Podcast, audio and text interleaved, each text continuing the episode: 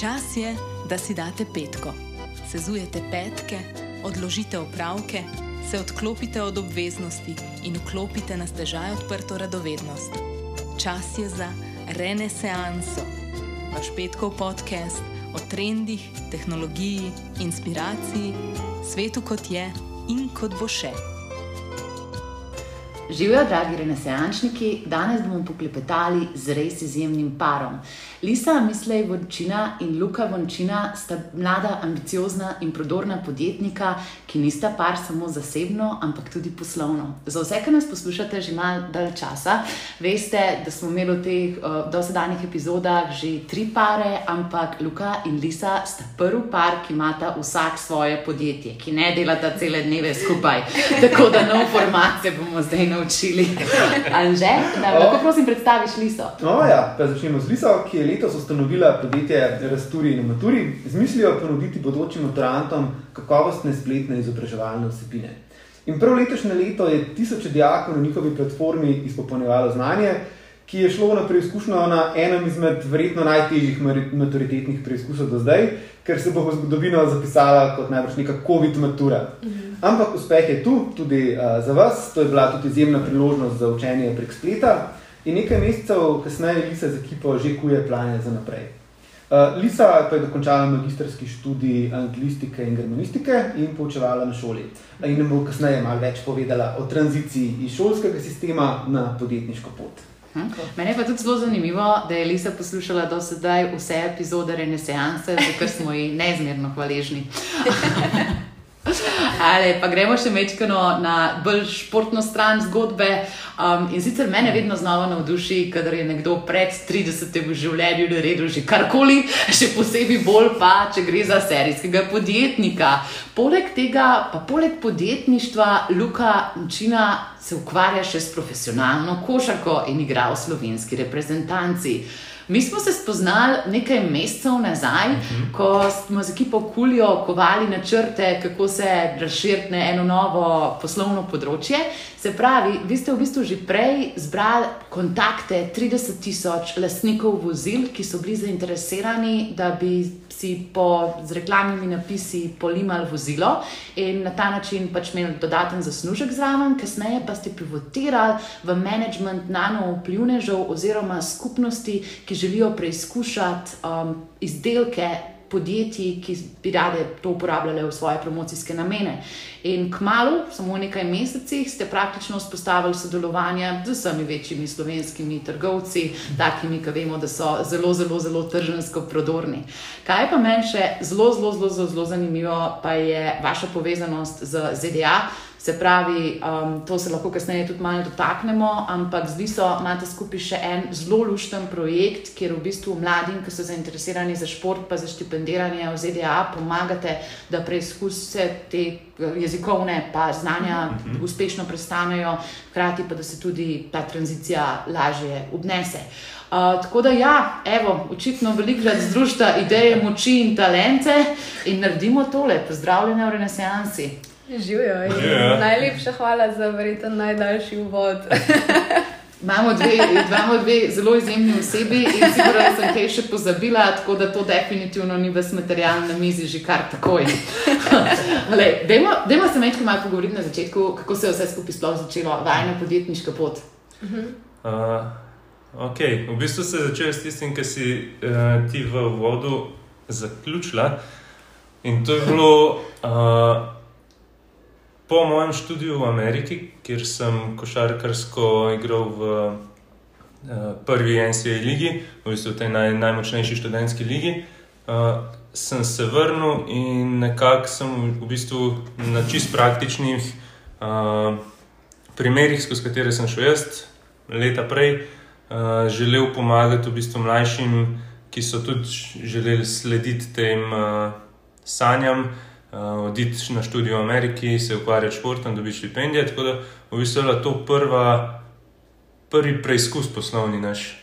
Uh, ker sem želel že od začetka pač nekomu ponuditi, ponuditi celostno rešitev, ne zdaj samo ali dobiti štipendije ali samo vem, malo svetovati. Smo zelo hitro na srečo, že takrat Liso, uh, videli, da je ona s svojim, svojim akademskim znanjem primerna za v bistvu priprave na vse te ameriške izpite, za tečaje, um, za, v bistvu za študente, ki želijo v tujino.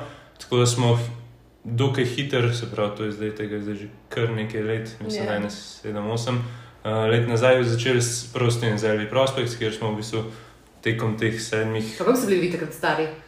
Uh, 22, 23. Ja. Noro. ja, Ja. 22, se mi zdi. Ja. Jaz sem takrat glih končala študij anglistike in germanistike, sprav ta dodiplomski.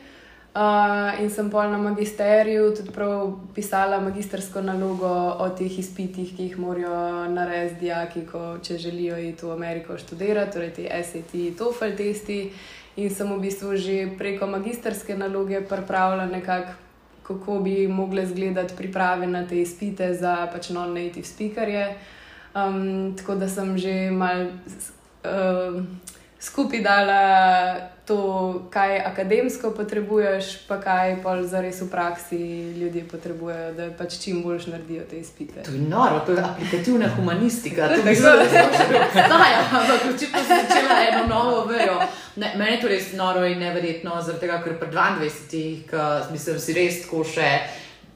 Večino ljudi je precej neodločeni, kaj bo delo, da ste vi rekli, pač ego, gremo, imamo to idejo, tole smo naredili. Zanimivo je tudi, da je bil Luka prvi košarkaški Luka v Ameriki.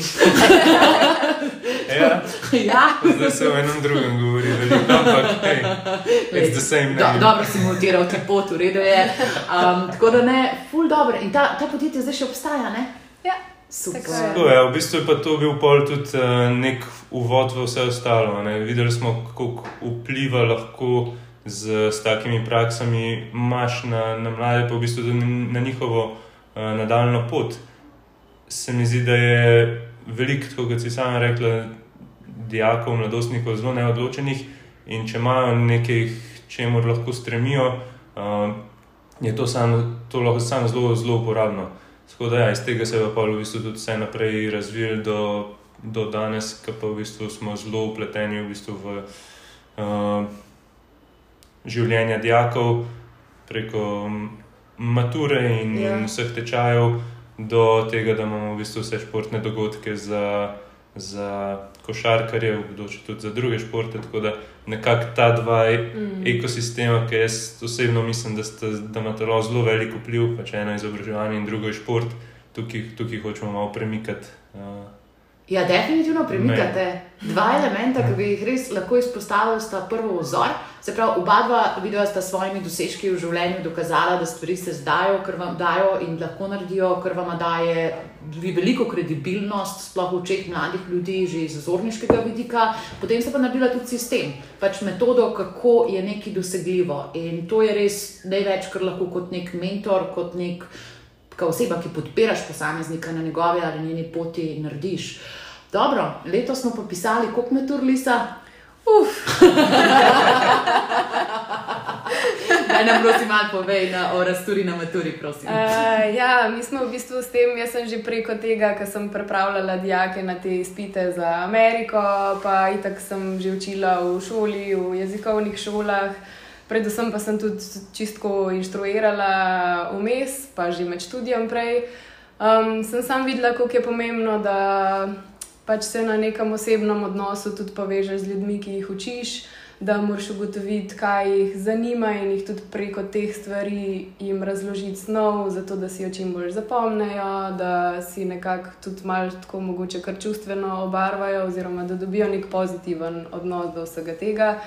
Um, Tako da ja, smo iz tega začeli razmišljati, da bi bilo fajn, da lahko tudi še več jim uh, to ponudimo, ker pač jaz lahko toliko pa toliko ljudi inštruiram, ampak pač nekje se to konča.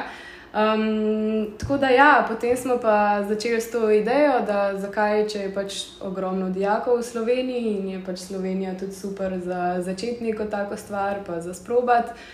Um, in smo začeli snemati videe. Jaz sem začela snemati videe za angliščino, potem smo imeli še dve profesorci, ena za matematiko, ena za slovenščino. Uh, in smo v bistvu šli najprej full sistematično čez vse učne načrte za gimnazije, za srednje šole, za vsak letnik posebej. čez vse maturitetne kataloge, tako da smo se pač, ker glavna stvar tukaj je, da je pač akademsko, oziroma da je vsebina prava, se pravi, da se sklada s tem, kar se recimo dijaki učijo v šolah. Ja, to je dobro. Ja, ja to, to je to. Ja. Tako da smo se najprej pač res najbolj na to skoncentrirali, in potem smo začeli razmišljati, kako bi zdaj te videe delali, na kakšen način bi to vse izgledalo, se usklajevali potem že s programerji. Uh, in smo pač posneli celotno srednješolsko snov v kratke videe potem dodajamo skozi znova, se to je tako živa zadeva, vaje, webinarje, nasvete. Tako da um, se je kar v redu išlo. No, oziroma, dobili smo. Se pravi, začetek to snemamo zdaj že ne dve leti, marca smo launčali to platformo. Uh, In je bil pač že iz prve nevreten odziv, tako da smo bili zelo zadovoljni, ker dobivamo same ultra pozitivna mnenja od dijakov, ki to uporabljajo, kako so zadovoljni. Ful nam je tudi pomembno, da z njimi skozi komuniciramo, tako da recimo na Instagramu si skozi pišemo z njimi in se nam zdi to en tak ful velik del tudi tega, da imajo oni neko skupnost, kamor se lahko vedno obrnejo. Um, tako da, ja, no, odzivi so, so bili res super, kar je pač tudi nam dal, seveda, zagon za naprej. Tako da Absolutno. nadaljujemo. A bi nam lahko zaupala, mogoče, koliko dijakom ste letos pomagali? Jaz predstavljam, da je cifra tisoč ali več. Uh, ja, več. ja, ne, mislim, da do zdaj se je že okrog 3000 dijakov registrirali. Um, ja, smo pa itak skozi navezi z njimi, tako da je. Um, tudi nam je full fajn, ker lahko skozi njimi komuniciramo in tudi svoje zadeve prilagajamo, glede na to, pač, kakšne želje imajo oni, oziroma kar nam oni povejo, kaj jih zanima. Se res um, osredotočamo tudi na to, da ni pač se vedno imaš ti neko sliko v glavi, kaj se tebi zdi, ampak moraš za res dobro poznati to publiko oziroma pač to skupino, ki to mm. redno uporablja in rada uporablja. Um, tako da je to zelo, zelo velik del no, tudi razvoja pri nas. Dve stvari, ki so mi pri tebi tako najbolj všeč, na način, kako delaš biznis. Pa mislim, da se lahko ljudje res od tebe tega zelo naučijo na zelo plastičnih primerih, ki jih bom zdaj razložila.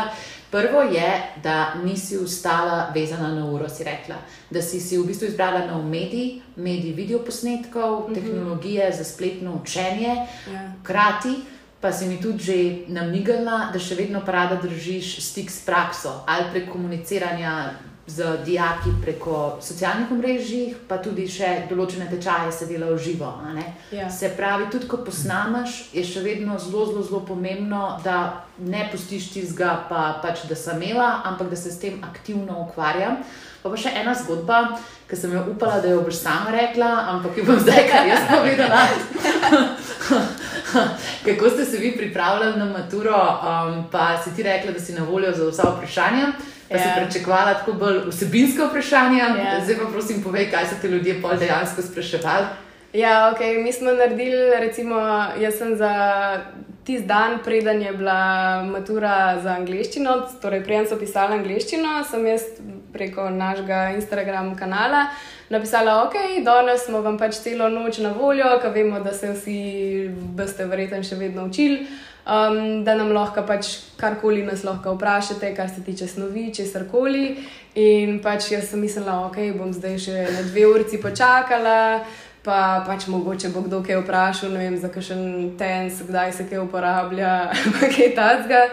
Uh, v glavnem, dobili smo neskončno vprašanj. Večinoma so bile to vprašanja tako kjer slovar imam lahko sabo, ali pa kje vse pripomočke imaš lahko pri sebi, ali pa ne vem, kaj veste, kako bo dolga pauza vmes, ali pa čist take stvari. In se mi zdi, da smo na ta način, ki smo jim bili na voljo, dosegljivi, ja. dosegljivi da so nas pač tisti večer, ki so vsi nervozni pred neko tako veliko zadevo. Pa mislim, da angliščina je bila druga po vrsti, ali mislim, da celo prva letos. Um, da smo jih uspeli malo pomiriti, tudi da niso nervozni, šli pa na ta izpit, da so vsaj nekaj vmes tisto noč lahko dobili, da so se malo uh, pomirili. No. In to mi je pa druga lekcija, ki sem jo res pobrala od tebe, od tega, kar si zdaj povedala. Bod svojo skupnostjo takrat, ko je težko. Ja. Pač ne izginiti takrat, ko jim najtežji, pač Ja. bod takrat na fronti in z njimi, ker to si bojo zapomnili. Točno to. Ja. Nekaj podobnega smo imeli tudi v kriptu, ampak je bilo rahlo manj usmerjeno izobraževanje. rahlo manj. Ampak ne, na koncu si res zapomniš, a veš, tisto, ki ga skrbi takrat, ni tens, ampak lahko uporabljam svinčnika kuli. Ful dober primer, a ne? točno to. In zdaj, ko so bili pa sploh malo odrezani od svojih pedagogov, pa eni pedagogi so tudi niso Ja. ja. neki ful intenzivno vključevali v pedagoški proces in je to, mislim, za ta vredno, da so imeli tako možnost, da vprašajo. Ja, to je kar dobro. Ja. Ja, sej, sej smo mislim, ugotovili, da pač izobraževanje ni samo res Ja. prenos nekega znanja. Ne. Vse en na koncu je pač pomembno tudi. Vse znanje, vse dobijo, mislim, v, v šolah je zelo dober učni sistem, šolski sistem pri nas. Sam, mogoče, če ga ne znajo pravilno zbrati na kupu ali pa v nepravem trenutku, da jih nekaj preseneti, so velikrat neki čist drugi faktori, ki, ki vplivajo na končen uspeh, oziroma na, ali na maturi, ali pa na vsakem testu posebej. Mm. Tako da tukaj pravimo res nek ekosistem um, prilagajati dijakom, da, da bodo na koncu dneva pač sam dosegli svoje, svoj, svoj potencial, pa cilje, ki jih imajo. The best. Ja, ker mislim, tista odločitev, kakorkoli ne ojemaš tega resno, ker si star 16, ampak pol pa 18, če ti pa par točk zmanjka za nekakšen faks, je pa to ena stvar, ki ti mislim, res lahko poruši črte. Dobro, gremo mi z Luko še v eno drugo skupnost. Oh, V yeah. skupnost ljudi, ki radi slikajo izdelke. ne, se pravi, vseh tistih, ki so talentirani za produkcijo vsebin, imajo radi socialna omrežja, radi uh, preizkusijo kaj novega. A bi nam povedal, kakšen sistem ste pa za, organizirali za nano vplivneže na kulju? Uh, ja, z veseljem. Uh, na, na, na začetku si rekla, da smo imeli ful enih prijavljenih, registriranih uporabnikov v, v bazo. Se pravi, to je bilo pred tremi, štirimi leti, ko smo z, zagnali v bistvu oglaševanje na os- osebnih vozilih ljudi. In naš problem pri tem prvem modelu je bil, da smo v bistvu, kljub temu, da smo predvidevali, da je vseeno ne bomo imeli toliko povpraševanja strani ljudi, da si bodo kar hoteli polepiti avto, se je pač usul enih eh, uporabnikov, da smo pa zelo hitro že takrat začeli razmišljati, ok, sej eno je reklama, sam drugo je pa pač kaj. Kdo vozi ta avto? Ne? To je lahko nek glasnik oziroma nekdo, ki ima svoje mnenje. In če povežemo te ljudi z brendi, glede na njihove interese, na hobije, kakorkoli, uh, je to sam pač dvojni, dvojni učinek za, tudi za podjetja, ki v bistvu uh, plačujejo ta, to oglaševanje. Tako da, ja, v bistvu s časom smo prišli do tega, da smo pred kakšnim letom potem naredili res uh, malo večji pivot v to, da smo primarno šli v nek community management, uh, ker je le končni uporabnik uh, vedno sam targetiran strani oglaševanja. Redko kdaj so pa vključeni. Ne? Sej, uh, influencerji in, in uh, tudi mikroinfluencerji so bili že se zadnje leta, mislim, vedno bolj pojavljajo v, v tem postopku uh, marketinga. Uh, kaj, mi smo šli v bistvu še ta korak dlje, da res v bistvu se lahko k nam upiše v bazo, kdorkoli registrira, ker zvemo malo več o njih, o njihovih interesih, o končni fazi tudi o njihovih uh, bazah sledilcev in uh, prijateljev na socialnih omrežjih, potem pravimo pač njih po, po uh, s primernimi brendi povezati. Da potem tudi res neke pristne vsebine dobijo ta podjetja, tako da za nek social proofing ali pa user-generated content je to, je to se izkazalo za zelo, zelo uh, dobro. Ko, ko daš priporočilo na internet, in ali ko um, objaviš sliko, kako uporabnik uporablja izdelek, zelo popularna stvar v Ja. glasih. A veš, kaj mi je še všeč pri kulju? Um, zaradi tega, ker glih tako, ker smo se mi pripravljali danes na snemanje, pa so bile z liso tam na terasi, pa sem jaz rekla, joj, kako imaš lep pot po tleh, pa mi je rekla, ja, to pa je iz Ikeje. Pa sem jaz rekla, joj, kako imaš lepo svečko, pa je spet povedala eno tako stvar. Ej, naprimer, to so stvari, mislim, za te izdelke, ki si jih itak pač tako že uporabil in jih imaš rad in pač ko govoriš o njih. In zdaj imaš možnost, da si nagrajen in da mogoče še več časa in energije temu posvetiš. Um, pa res, kot si izpostavil, da je dober fit med pač to osebo, ki sporočilo nosi, in med tisto sporočilnostjo blagovne znamke. Primer. Jaz pač ne bi bila preveč dobra plivneška na področju veganske prehrane, ker bi me slejko prej zalotil v kakšnem steak kajcu. Pač to ni, to ni avtentična, avtentična poveza, povezanost človeka z, z blagovno znamko. Če bi bilo pa treba kaj delati za pse, o moj bog. ja. Dobiš kakšne, kakšne produkte za, za kužiko. Prosim, prosim, veš, da čakam. Ne, ampak veš, kaj sem naredila? Če lahko si z algoritmom pomagaš tega, da pač lahko razširiš to bazo interesov in kdo je dober v sporočanju določenih stvari, je to fantastično. In zaprli ste tudi eno izmed največjih um, produktnih znamk uh -huh. v Sloveniji, to je vaše sodelovanje s Senzilabom, ki je javno.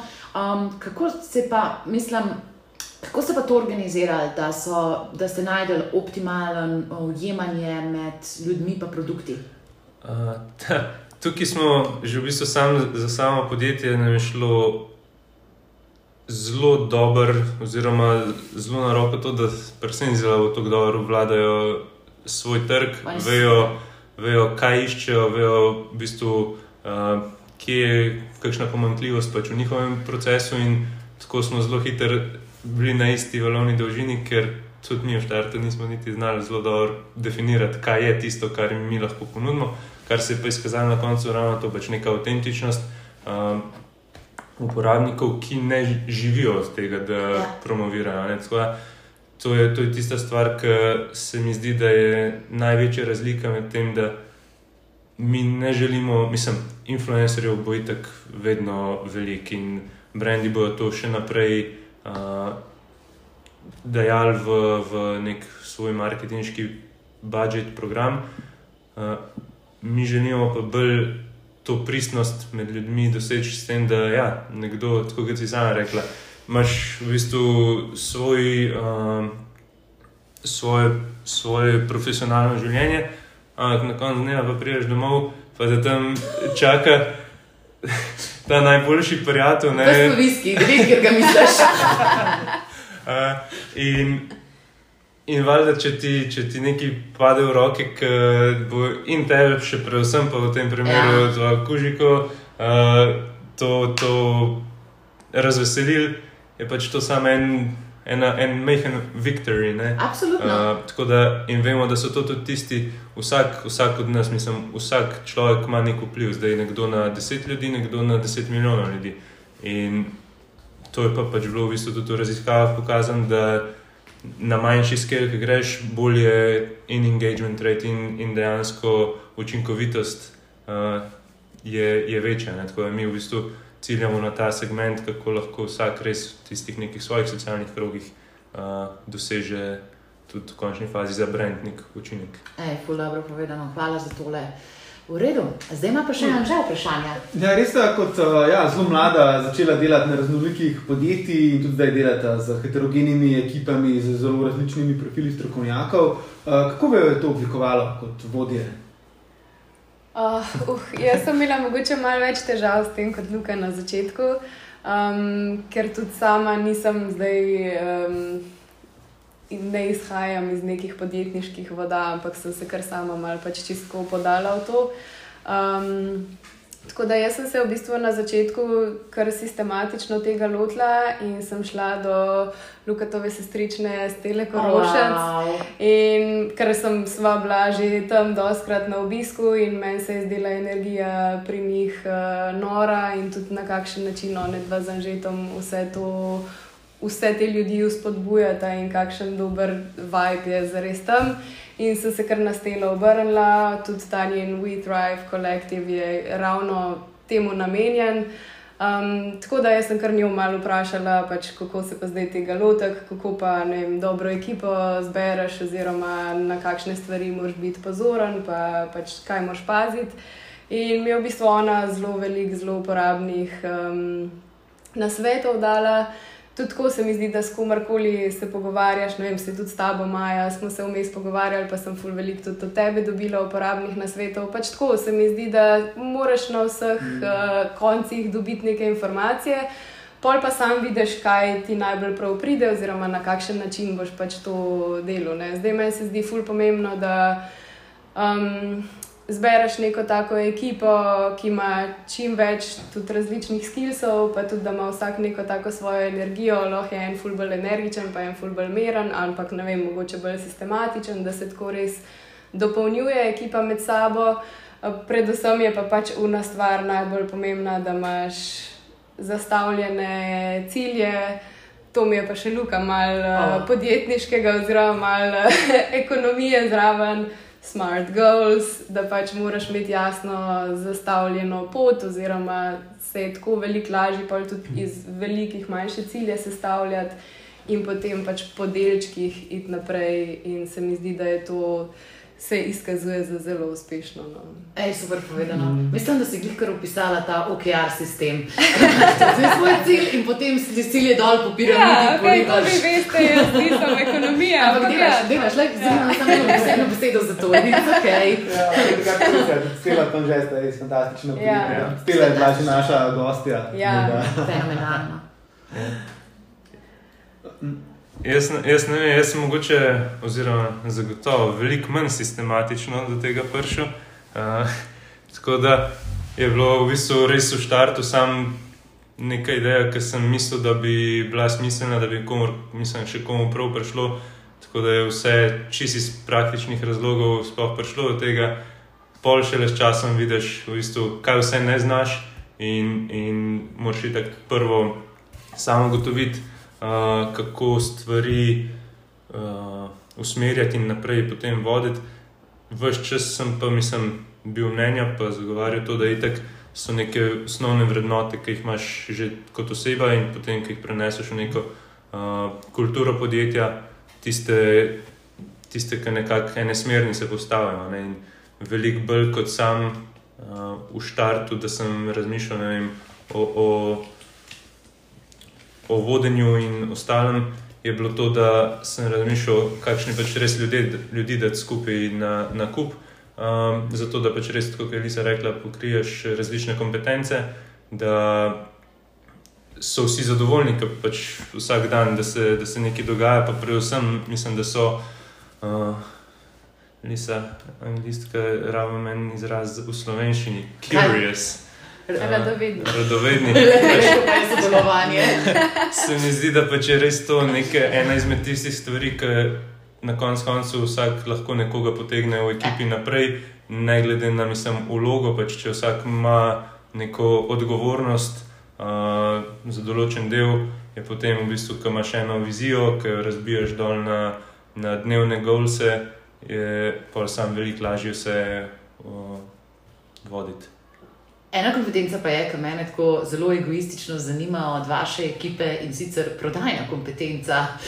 Vi ste zaprli kar precej zelo uspešnih podjetij in pač vzpostavili res take sodelovanja. Like, jaz imam prijatelje, ki so v prodaji 20 let, pa bi se tresli pred takimi sestanki. Pač tako res, res, res, res, res so to velika imena, pa ene take ogromne stvari. Dej mi povej, kako se trije simpatični fantje na pač pragu 30 ali še kaj reči, še mlajši, kako vam uspe zapreti praktično največje slovenske blagovne znamke? uh, to, je bil, to je bil uh, awkward nasmeh, ker noben od nas ni prodajnik. Okay. In preprosto nisem spet, jaz če, če zase govorim, jaz sem vse čas v glavi sam pač narediti stvar tukaj koristno ali pa pač tako dobro, da ne bom rabil nekega pravomočnega prodajnega uh, prodajnih skillsov, ali da sem se tudi to pač časoma malo bolj udobno znotraj tega počutil in tudi malo vidiš, da pač res, mislim, prej, ko tudi ugotoviš, da dejansko neki.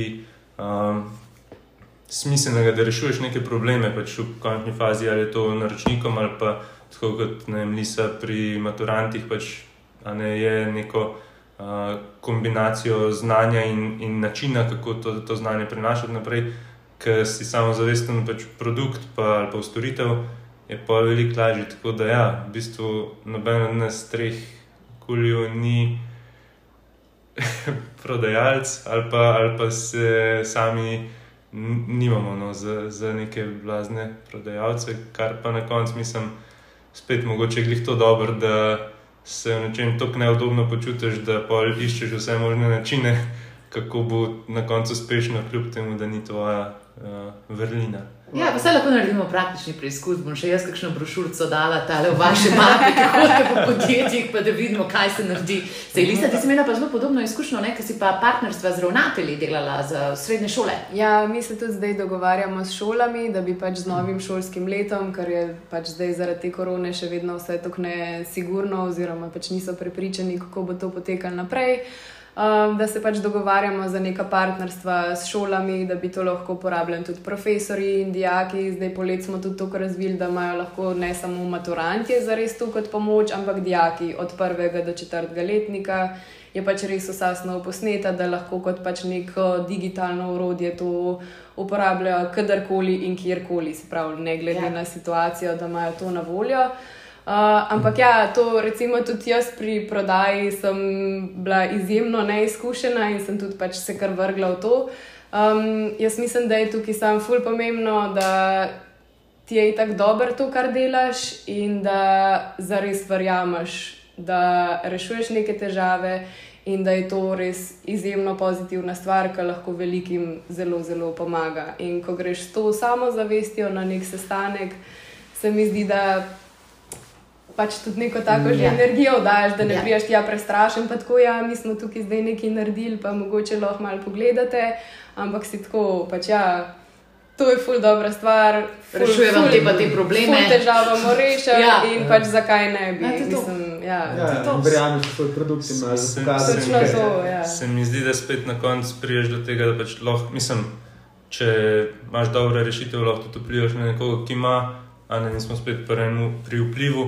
In če, če res, mislim, s tem rešuješ neke težave ali pa neke probleme, ki uh, so se jaz zdaj izkazale, kljub samo, da pač so recimo pri, pri maturi, ja. da so, mislim, in šolski sistem, vse je super, samo mogoče nas je tole malo potisnili čez tisto cono obdobje, ki se morajo pač potem uh, stvari prilagajati in to je mogoče sami izpostaviti, kakšne. Uh, kakšne težave, tako da jaz res upam, da bojo, mislim, veliko ravnateljev in, in šol se itak že zelo dobro uh, spoprijateljili z, z platformo, tako da bodo to še dijaki, pa starši, pa v končni fazi tudi neki uh, državne institucije, mogoče to videli. Ja. Absolutno, ne, to je tako zanimivo. Že, oprosti, malo smo te skočili. Ja, kaj me ne zanima, dogaja, to res me zanima.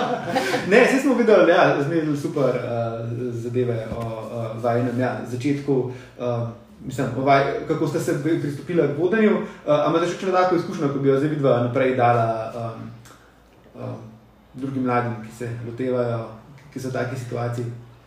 Kaj bi mogoče naredila drugače s temi izkušnjami?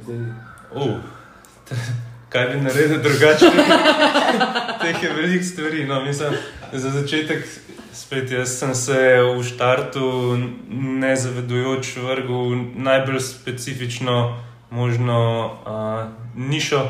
In tudi to smo potem z leti ugotovili, da se v bistvu je veliko bolj imeti en širši pool um, uporabnikov oziroma ciljnih, ciljnih kupcev.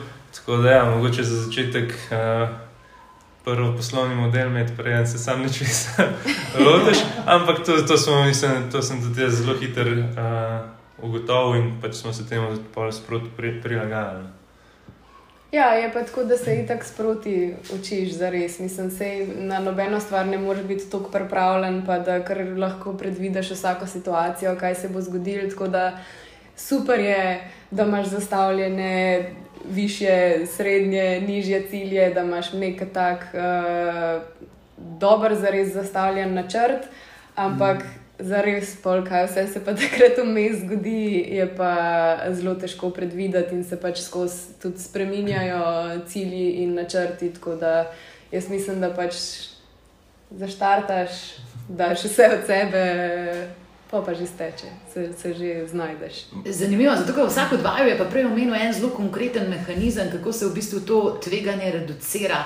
Se pravi, ti si rekla, da si stalno v stiku z uporabniki, da Ja. pač jih skozi sprašuješ, da skozi zbiraš povratne informacije. Luka je pa omenil, da so razvijali pilot s podjetjem, da so pač razvijali po potrebih, pa na podlagi informacij, ki jih je dala stranka. Tako da to sta v bistvu že vidva ene mehanizme vzpostavila. Ja, se, mogo, mogoče lih to. Ja, sej, jaz recimo mislim, da je tako, okay, za sam zaštartati eno stvar, mora biti predvsem neka uh, močna želja, da nekaj spremeniš. Če imaš to, pa da veš, da bo od tega imel korist, mislim, spet ali ena skupina ljudi, ali pa mogoče cela družba, je pač že to samo po sebi dost uh, močno vodilo. Če si pripravljen, pa še sam velikega truda v to vložiti, pol uh, mogoče ta fokus toliko bolj jasen. Mm, In ja, mogoče spet, sploh kakšnih stvari sam pri sebi ne znaš definirati, ki jih imaš že mogoče v nekih ali vrednotah, ki se ti sam pač zdijo uh, smiselne. Ja. In če so, če so te stvari, uh, če jih zna pa še kdo tako povzeti kot ti, da v bistvu odkriješ, da so to že neki mehanizmi, pa, pa je to kar dobro. Okay, to, to so sistemi. Uh, ne, ker smo že glih pri vrednotah. Um, tako, da ste opisali svoje biznise, šport, učenje, to, da pomolnomočite ljudi, da delajo dodatne stvari v življenju, oziroma da lahko nekaj dobijo od tega, kar sicer radi delajo, potem je, mislim, čist spreminjanje življenjske poti s tem, da jih pošlješ v ZDA in ali da uspejo na maturi. Ja, različne, različne ambicije imajo ljudje. Um, tako da, ne, mislim, kar se tiče tega opolnomočenja, no, te rdeče niti res znudenja nekih storitev, nekih platform, kjer lahko. Zdaj nočem zlatko ta citirati, posameznik dobi več od life. Ampak, ja, ko mu uspe neki po eni metodi, ki ste jih videli zastavila, um, ali je to pomembna vrednota za vaju v življenju, ali da to razmišljate o tem? Ja, meni se zdi to ful pomembno. Vsekakor, ja, mislim, ker izvoli. Ja. Uh, ne, jaz sem tudi od začetka, se mi je zdelo pomembno, vse eno je ta vsebina, ki pač mora biti ta prava, mora biti na mestu, kaj je vse super. Ampak druga stvar, ki se mi pa zdi, da mislim, ki jo pa že zdaj implementiramo v našo komunikacijo z dijaki in z vsem tem, je pa ta, da bi nekako jim dali eno veselje do učenja, da je to ena tako noro dobra stvar, da imaš te stvari na voljo, da se lahko ful veliko naučiš in predvsem tudi to. Malo dajemo zraven, skozi se čistko, mogoče sploh ne zavedno, ampak tudi itak sebe daješ ven, tako da tudi to, kar ti počneš, pač nekako se iz- izraža tam. Um, da ne vem, je ful pomembna tudi neka psihološka priprava, da je pomembno, ne vem, za recimo tle primer pri maturi za učenje, da se ti dovolj gibaš, da vem, zdravo ješ. Ja, in da predvsem tudi neka ta psihološka priprava na izpit, da te ni strah iti na izpite, da pač lahko vse vprašaš, da si točno zbra- znaš predstavljati, kako bo tam to izgledalo, in da v bistvu iz te. Um, Iz te enačbe izključiš nek strah, nervozo na izpitu, ki ti včasih imaš pol blackout ali pa karkoli, ampak da je res pomembno to, da so na tak način tudi pripravljeni dijaki, da pač dobijo nek tak pozitiven odnos do celotnega tega procesa. Meni se zdi to recimo ful pomembno. No. Meni se zdi tukaj zanimivo, da kar še jaz o, o dijakih pa v izobraževanju rečem, vsako leto je vsem in tako najtežja njihova matura. ne. Ja, Ja, ja. Ampak se, se Jaz sem mogla dostojevski brat. Še zdaj traumiram. Ampak mislim, da je veliko tega čist, mislim, psihološkega, itak, da je težka, ampak so prvič tudi v bistvu v tej fazi prej vse tesno, malo rešujejo primere iz prejšnjih let, pa, pa vse. Ampak prvič so pa v bistvu res takrat postavljeni v trenutek, ki je pa, recimo, temu tudi v šolah pač poudarjajo njihovo prihodnost na Na nitki. na nitki. In je res ta psihološki pač trenutek, tudi, tudi tisti, ki za res vsak reče: O, še nikoli ni bilo tako težkega ne vem, bralnega razumevanja. Čisto pa- vsako leto je vsaka generacija, listening na angleščini je bil pač najtežji letos. In to čisto, to smo mi rekli, in to so letošnji in lanski, in vsi maturanti to rečejo. Nismo slišali, nismo razumeli, ni bilo dosti razločno, bil je nek čuden accent, ne vem kaj.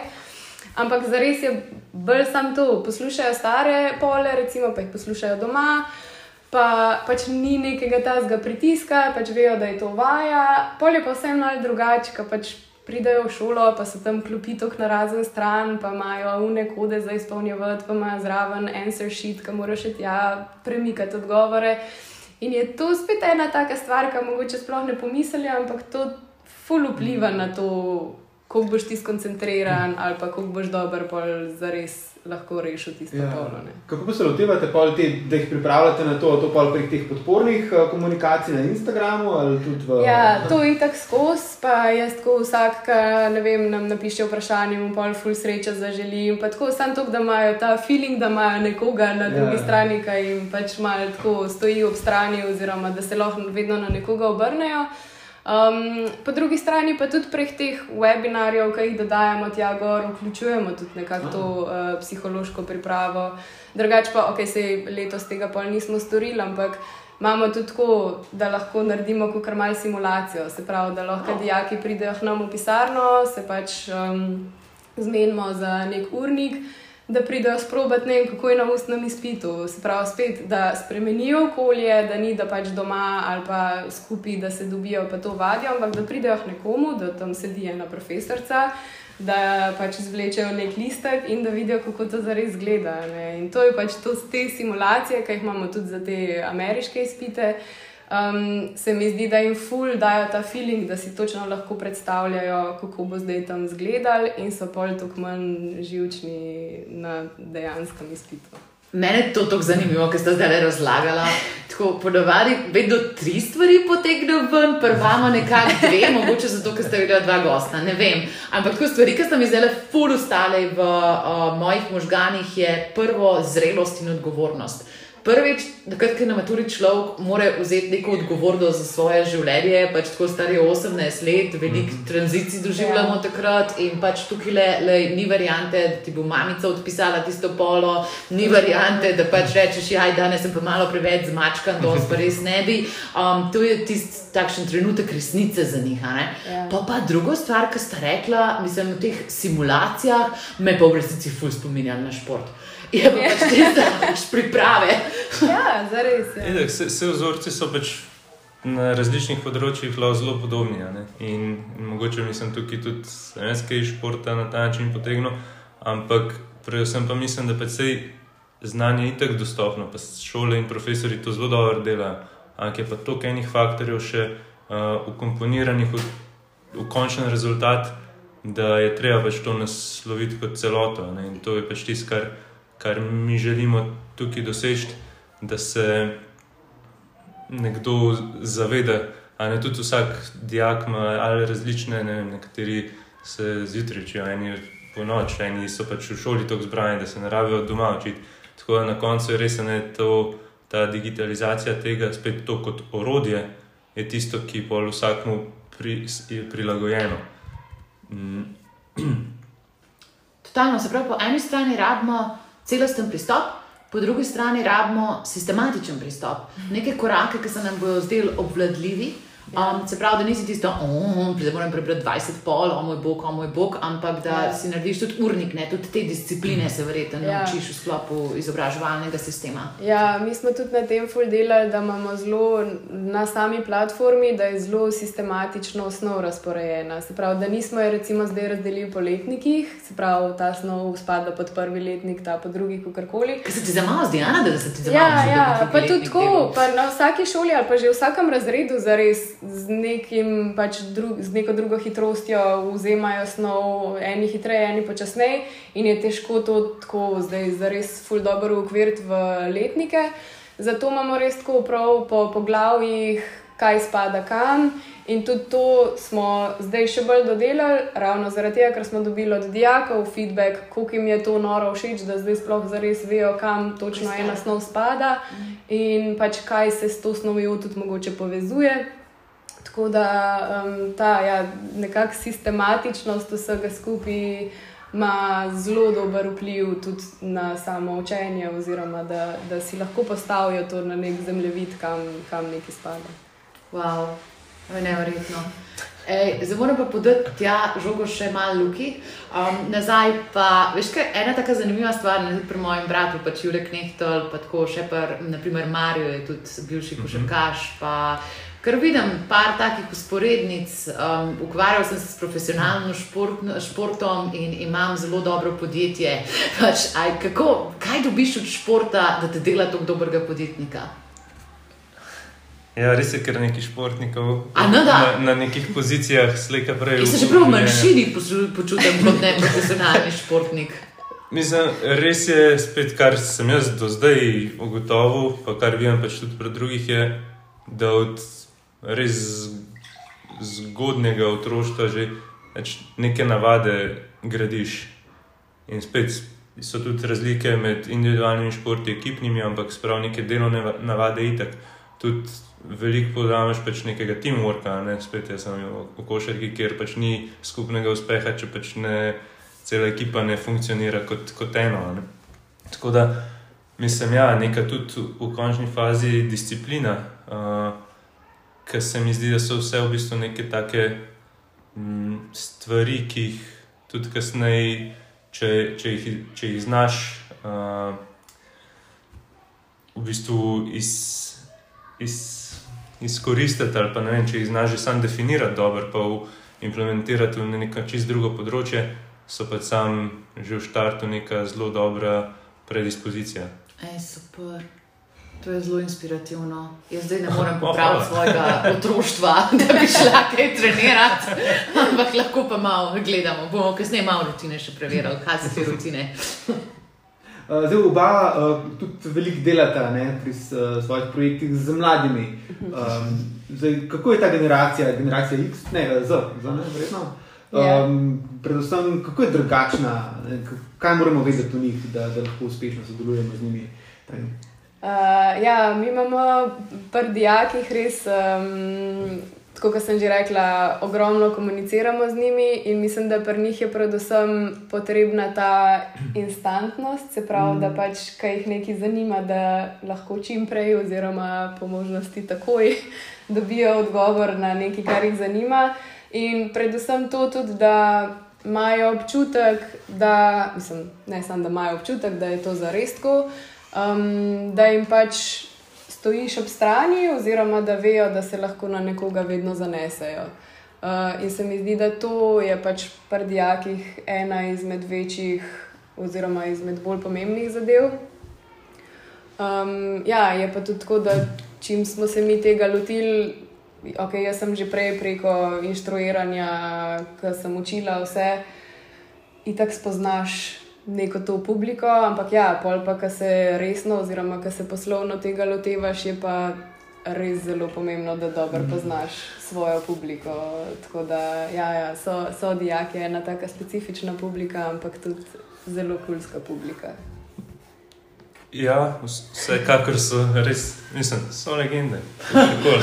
A, Res so, ja. Ampak, ja, pač imajo tudi oni neke, neke druge vrednote, pričakovanja. Mislim, meni se zdi glavno in to je tudi nekaj, kar nas, uh, nam eno glavno smernico drži za vsa podjetja v končni fazi, je ta, da vsi so bili že brke, ne, ne vem, od 95, od leta 95 naprej, ali pa 98, ne vem, kdaj se je točno ta tranzicija v generacijo Z uh, postavila.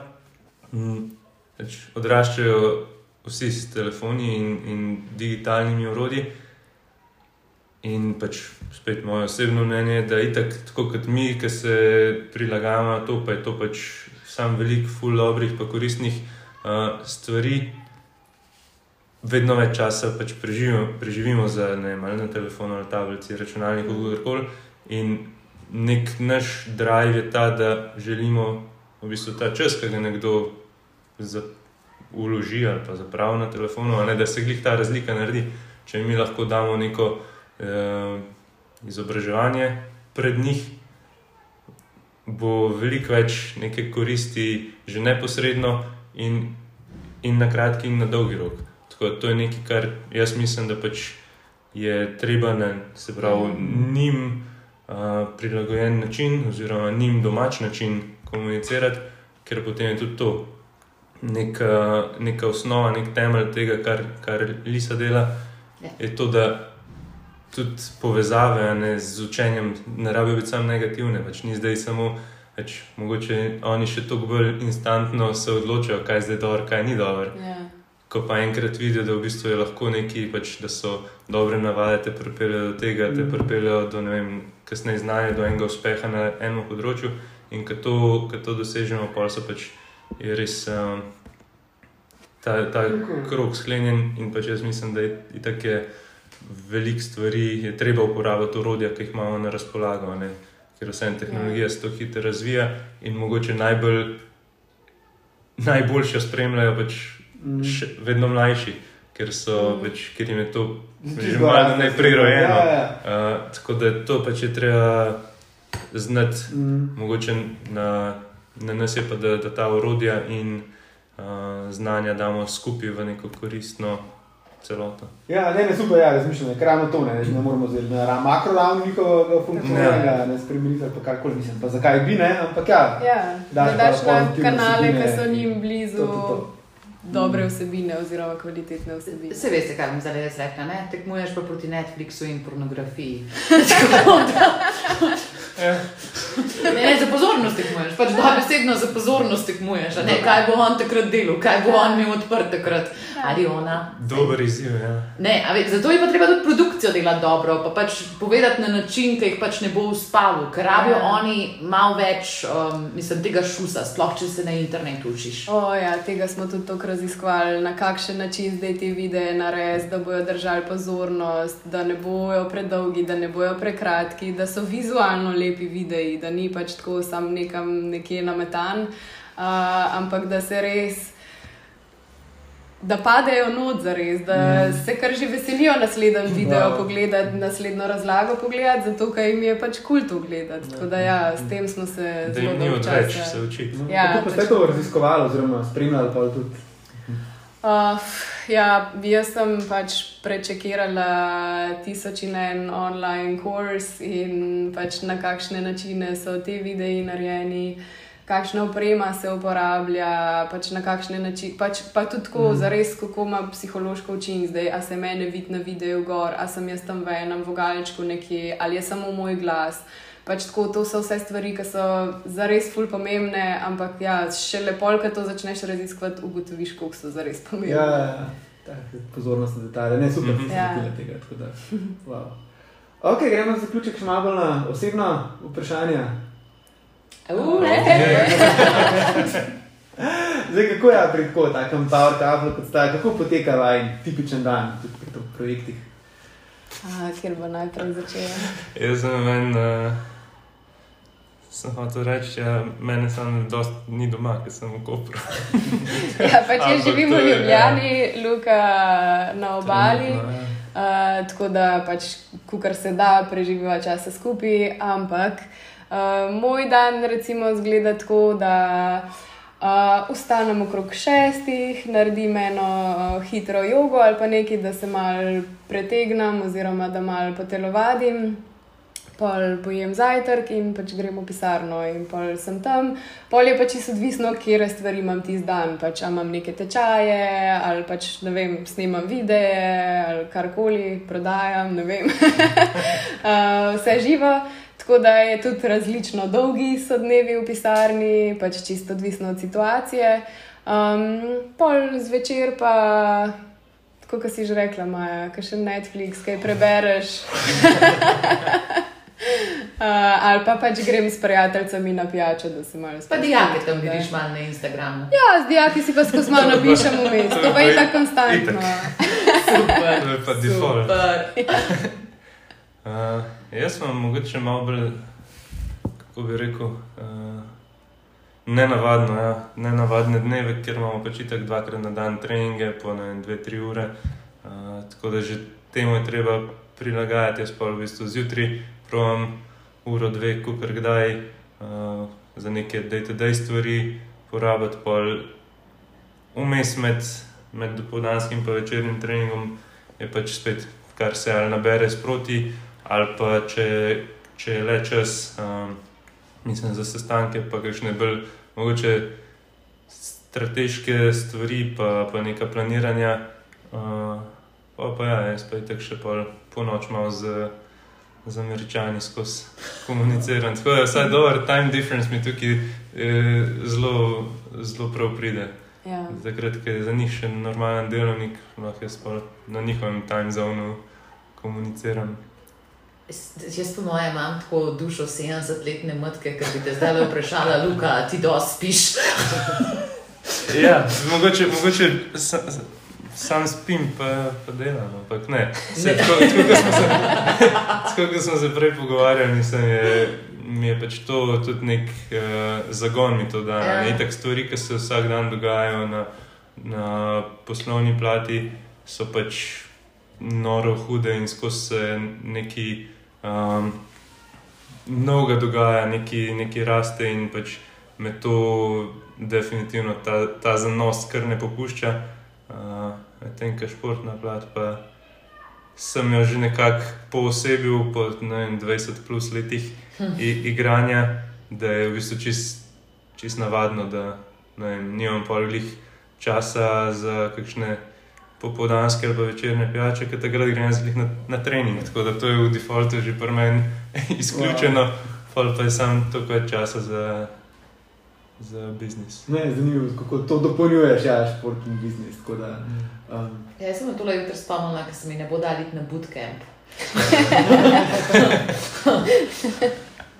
kaj bi svetovala dru- drugim parom, gotovo nas posluša že kakšen par, ki tudi razmišlja o nekem skupnem poslu, razvijanju posla, pa se še niso uh, pa pogumali, kaj bi bil tukaj še kakšen vajen svet.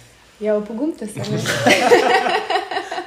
Uh, jaz, jaz sem mogoče ra- že sej, ne glede na to, ali so, ali so pari ali ne, je itak, tako kot sem prej rekel. Pač glavno je, da če, če nekaj uh, koristnega delaš ali pa da imaš neko idejo, ki bo nekaj spremenila, nekaj dodala, je to pač vredno uložiti nek trud in, in čas. Medtem, ko za pare se pa meni zdi, da je to samo še dodatna prednost, ker če se ti že v privatnem življenju uh, razumeš, da imaš neke podobne vrednote, spet to so, to so samo osnove, ki pa na, na neki skupni poslovni poti so sam pač. Je, je čisto hodok, ker ne rabiš v bistvu pol takoj naslednjega že mu neke svoje uh, in vizije in, in vrednote predstavljati, ker to v defaultu je spet že, že urejeno in je pol pač ta kultura tudi veliko bolj uh, znotraj podjetja pač, ne vem, in močnejša in, in mm. lažje sledljiva. Tako da jaz mislim, da je to sam prednost, če se, če se z nekom zelo dobro razumeš, že tako, pa je treba samo uh, manevrirati vse skupaj. Ja, tako. Mm, zdaj tukaj je že ja, novo šolsko leto, uh, tako rekoč. Uh, a pripravljate še kaj posebnega, zdaj ja, prej si omenila že, da malo širite, ne zdaj nujno sem maturi, a še kaj takega? Ja. Um, ja, v bistvu ja, pri maturi širimo to, da, tako kot sem že rekla, se dogovarjamo z ravnatelji, s podjetji in vse.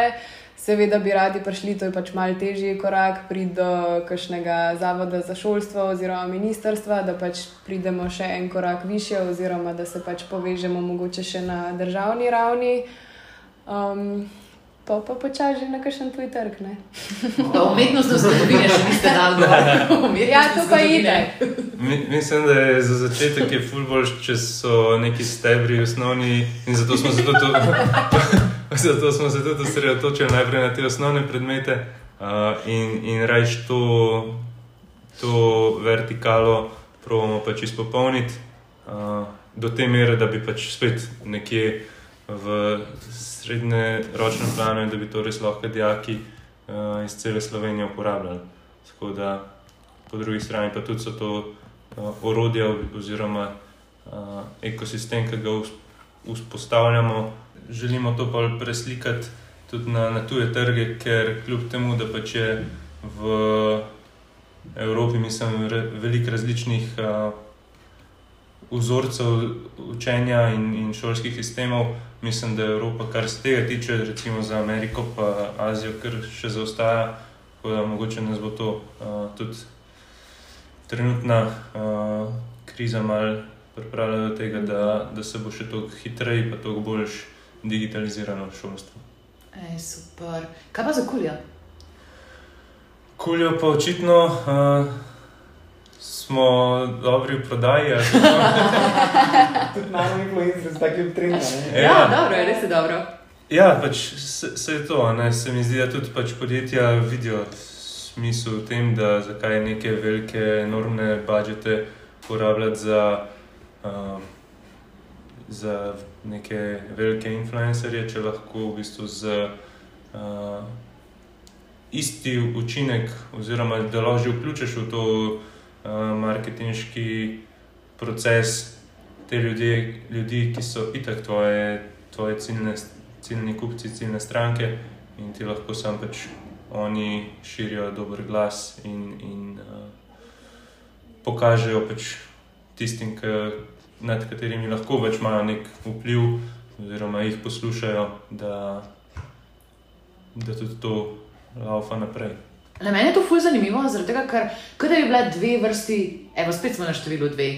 Dve je številka te epizode. Um, ne, ampak tako se mi zdi, da eni od kupcev obstajamo, ki se nekako bolj na ideale zapalimo, ki pač tako vidimo tam neki fulj tako lepega, čeprav je 16 let staro in nima idealnega indeksa za telesne mase. In pa je pač tako profil ljudi, ki hoče imeti blazno realistične stvari. Mislim, jaz sem zdaj videla na H&M pa na Zari, ki so dali ogromen, mislim pač teh malo pred prekomerno težkih modelov, kako se temu pravilno reče, ne vem, pač atipičnih modelov. No? Pa ene imajo malo bolj izrazite dlake na rokah, pa pač takih taki slik, ki jih mi v 90-ih nismo poznali. Um, in ja, po moje je, mislim, čist. Po, za blagovno znamko na eni strani zanimivo imeti tako svoj profil idealnega kupca, pa pa še v bistvu tako profil realističnega kupca, s Itak. katerim se lahko istovetiš in ima Ja. mogoče pač isto grdo kožo kot jaz, ali pa pač isto lenobo, da noče telovaditi in da bi raje bil vprašaj, kot boja kolegica tam. Ne. Ja, itak, sej, sej najlažje se poistovetiti z nekom, ki ne vem, ali je iz po- podobnega okolja, eh, ko se vsak moj super videti, vem, ja, enega zvezdnika, ki. Luka Dončić. Ja, itak. In tudi on pač ima določene stvari, ki jih res pristno, uh, mislim, tudi ne vedo, v kakšni fazi promovira. Ne? In to je pač full over. Sam uh, vse, kar je pa, kar je pa v bistvu preveč umetnega, pa slika prej, pa izgubi nek uh, žar ali pa. Ja. Mm. Kaj pa videl osebno, kakšne cilje imate pa videl osebno? Jaz sem vaju prej hotel navdušiti, da bi vam en pes pa- pasel v stanovanje, to ni že čist pristal. Kakšne cilje imate? Kaj? Uh, Kakšne cilje ima? Vidim, da so glih dosegla en dober cilj, ki sem Ja. se letos sporočila. Bravo, čestitam. A bomo dali poročno fotko na epizodo? Ne. Bo, bo to nisem izbral. Dobro, dober, dober odgovor, odličen odgovor, odličen odgovor, zelo dobro, da gre na zakonski poti. A, ne, Luka je, no, oba sva velika fana Chance the Rapperja in Chance the Rapper ima eno pesem, ki se imenuje Five Year Plan in mislim, da je to od obeh mm. -hmm. zelo ljuba pesem.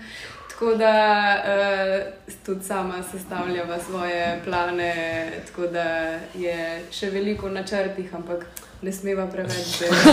Sta fokusirana, ampak ne še na koncu. Okay. Oh, ja. Tako tako je rekla Lisa. Uh, itak je dobro imeti neke kratkoročne, srednjeročne, dolgoročne plane, ki se sploh ti dolgoročni se lahko pač na neki točki, mislim, je, je le cilj, da se mogoče prehajajo iz dolgoročnih že v srednjeročne, tako da to je itak vse po, povezan. Uh, je pa valjda treba imeti skozi neki, nek, neko vizijo oziroma nek fokus pred sabo, da, da vidiš, da se vsak dan, vsak mesec, vsako leto premikajo stvari naprej, pa na boljši. Zdaj bom šla off-script pa vprašala še o neuspehu. Pa ne o vajenih osebnih neuspehih, ker zato, ker vidim, da so zelo uspešna posameznika, ampak verjetno sta tako ali na svoji poti, ali pač, ki delata s temi študenti oziroma mentoriranci, nekoga videla, ki se je res želel, pa mu ni uspelo. Tako, ampak tisto, tista frustracija ne uspelo. Ne, "E, Zgubil sem tri točke, jaz sem mislil, da bom zlati maturant, ampak tisto, a veš, mislim, neuspeh, ki ti lahko sesuje življenje. Um, In ja, v bistvu, kaj želim vprašati v tem okviru, je posebej na področju, kot je naprimer vrhunski šport. Ko veliko ljudi sanja, da bi igrali basket v Ameriki, a pa ne vem, če pogledaš v humanistiki, veliko pač tako ljudi sanja, da bi se zaposlili na faksu. A imata vidva tako pač v sklopu petletnega načrta kakšen prostor za razne pivote in da včasih življenje pokaže kaj drugega, ali kako si lahko petleten načrt poravnaš s tem, da so realno tvoje šanse za uspeh, recimo, temu, da malo vidkejše, kot v normalnih primerih. Uh, Glej si dala zelo dober primer, da je nekdo hotel vem, biti uh, profesor na faksu ali kaj. To sem si tudi jaz skozi oh, wow. želela. Oziroma, jaz sem imela skozi tako idejo, da bom vem, malo učila književnost na faksu ali da bom vem, v enem gledališču prevajala dramske igre, pa pa z igravci delala v gledališčih. Ampak sem pač pivotirala in sem pač prišla na to pot, s katero sem zdaj fully zadovoljna, pa ne bi več učila, nisem ne več, pač uh -huh. ne bi učila na faksu ali pa ne bi delala v gledališču, ampak mi je pač, mislim, sem izjemno zadovoljna s tem, kako so se stvari razpletle. Tako da mislim, da prav je, da skozi stremiš nečemu, pa da imaš vedno nek cilj, ampak meni so se tudi te cilji vmes spremenjali. In nikoli si pa recimo nisem predstavljala, da bom jaz zdaj neka podjetnica, pa da bom na tak način učila ljudi, ne pa v šoli ali pa na faksu, ampak pač se je to čist spremenil, pa je sam, hvala Bogu, da se je to tako spremenil, ker mi je pač super. Je bolj hvala, da si tole delila. dober kes, zelo dober kes. Uh, je športniki.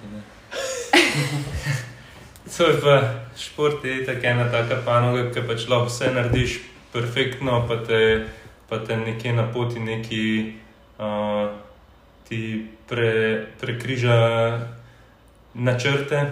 Tudi jaz sem imel že več nekih resnih poškodb, zaradi katerih sem pač mogoče uh, sploh se tudi bolj usmeril v, v biznis, oziroma mogoče začel razmišljati širše, kar spet je v bistvu neuspeh, ampak tudi mm. po drugi strani, ko ga vzameš. Če, če, če se zavedaš, da pač itak ne moreš na vse vplivati, uh, pa znotraj tega pač najdeš najboljše, najboljše rešitve. In posledično, ja, itak plani se, se vsakmu, oziroma mislim, bi bilo čudno, če se ne bi spremenjali, mm, da bi šlo vse res po neki idealni liniji.